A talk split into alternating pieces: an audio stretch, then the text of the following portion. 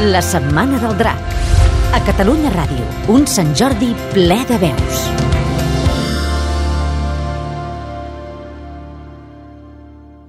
Maleït el dia que la meva dona va entrar a casa amb la màquina que ho feia tot.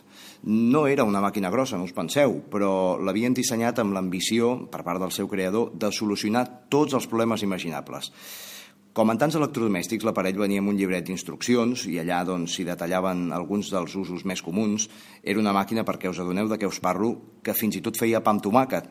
Sí, sí, no rigueu, feia pa amb tomàquet. El seu creador era un coreà, però clar, aquest coreà havia passat dos estius a Tossa i va pensar que una bona manera d'aconseguir una màquina perfecta era adaptar-la als usos de cada cultura.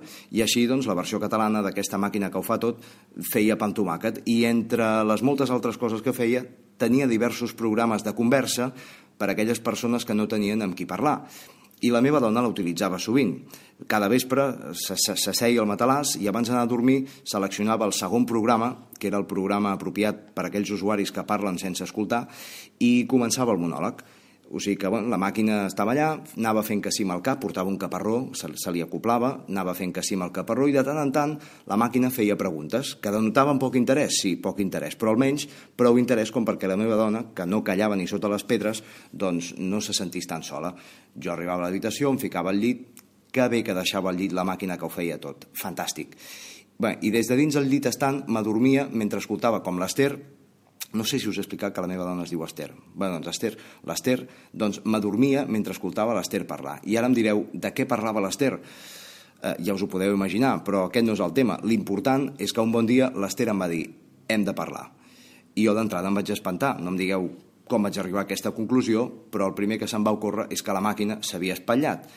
I jo li vaig dir, amor meu, li vaig dir fingint, clar, li vaig dir, amor meu, si la màquina ja no et dona conversa, està en garantia. L'enviem a Corea, ens l'arreglen i d'aquí poques setmanes te la tornen a casa com nova.